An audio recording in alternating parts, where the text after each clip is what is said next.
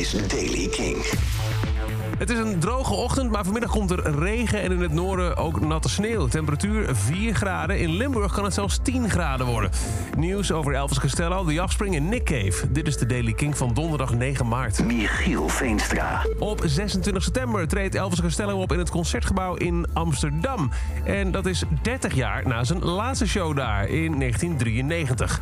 Kaartverkoop begint komende vrijdag. En de show is onderdeel van een tournee langs grote klassieke concertzalen... die Elvis Costello gaat doen door heel Europa. Een rechter heeft in L.A. The Offspring een overwinning toegekend... in een lange juridische strijd met hun vroegere drummer Ron Welty. Die drumde bij de band van 1987 tot 2003... en beweert dat hij nog miljoenen aan winst verschuldigd is... uit de catalogusverkoop van 35 miljoen dollar van de punkband. Hij zegt dat Brian Dexter Holland, de frontman van Offspring, hem proberen. ehm, eh, ja, eigenlijk te wissen uit de geschiedenis van eh, de Offspring. Onder meer door hem niet zijn rechtmatige deel van de verkoop eh, te geven. Maar de rechter heeft de beschuldigingen grotendeels eh, ja, allemaal ongegrond verklaard... en noemde een paar van de beschuldigingen zelfs volkomen onlogisch.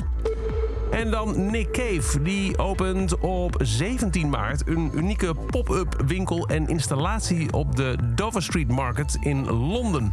Je kunt daar een eh, heleboel uit zijn eh, cavingswinkel kopen. Kleding, boeken, huishoudelijke artikelen, prints, opnames. Eh, ook speciaal voor deze pop-up store gemaakte eh, spullen. En je kunt zelfs Nick Cave tegen het lijf lopen. Want op 19 maart gaat hij daar exemplaren van zijn 2021 verschenen kinderboek The Little Thing is Sad signeren.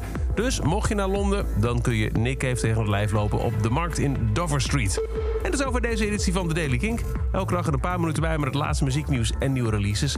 Niks missen? Luister dan elke dag via de Kink-app... waar je je ook kunt abonneren op deze podcast. Dan krijg je elke ochtend bij het verschijnen van een nieuwe editie... een melding op je telefoon. En voor meer nieuwe muziek en muzieknieuws... luister je s'avonds tussen 7 en 11 naar Kink in Touch. Elke dag het laatste muzieknieuws en de belangrijkste releases in de Daily King. Check hem op kink.nl of vraag om Daily King aan je smart speaker.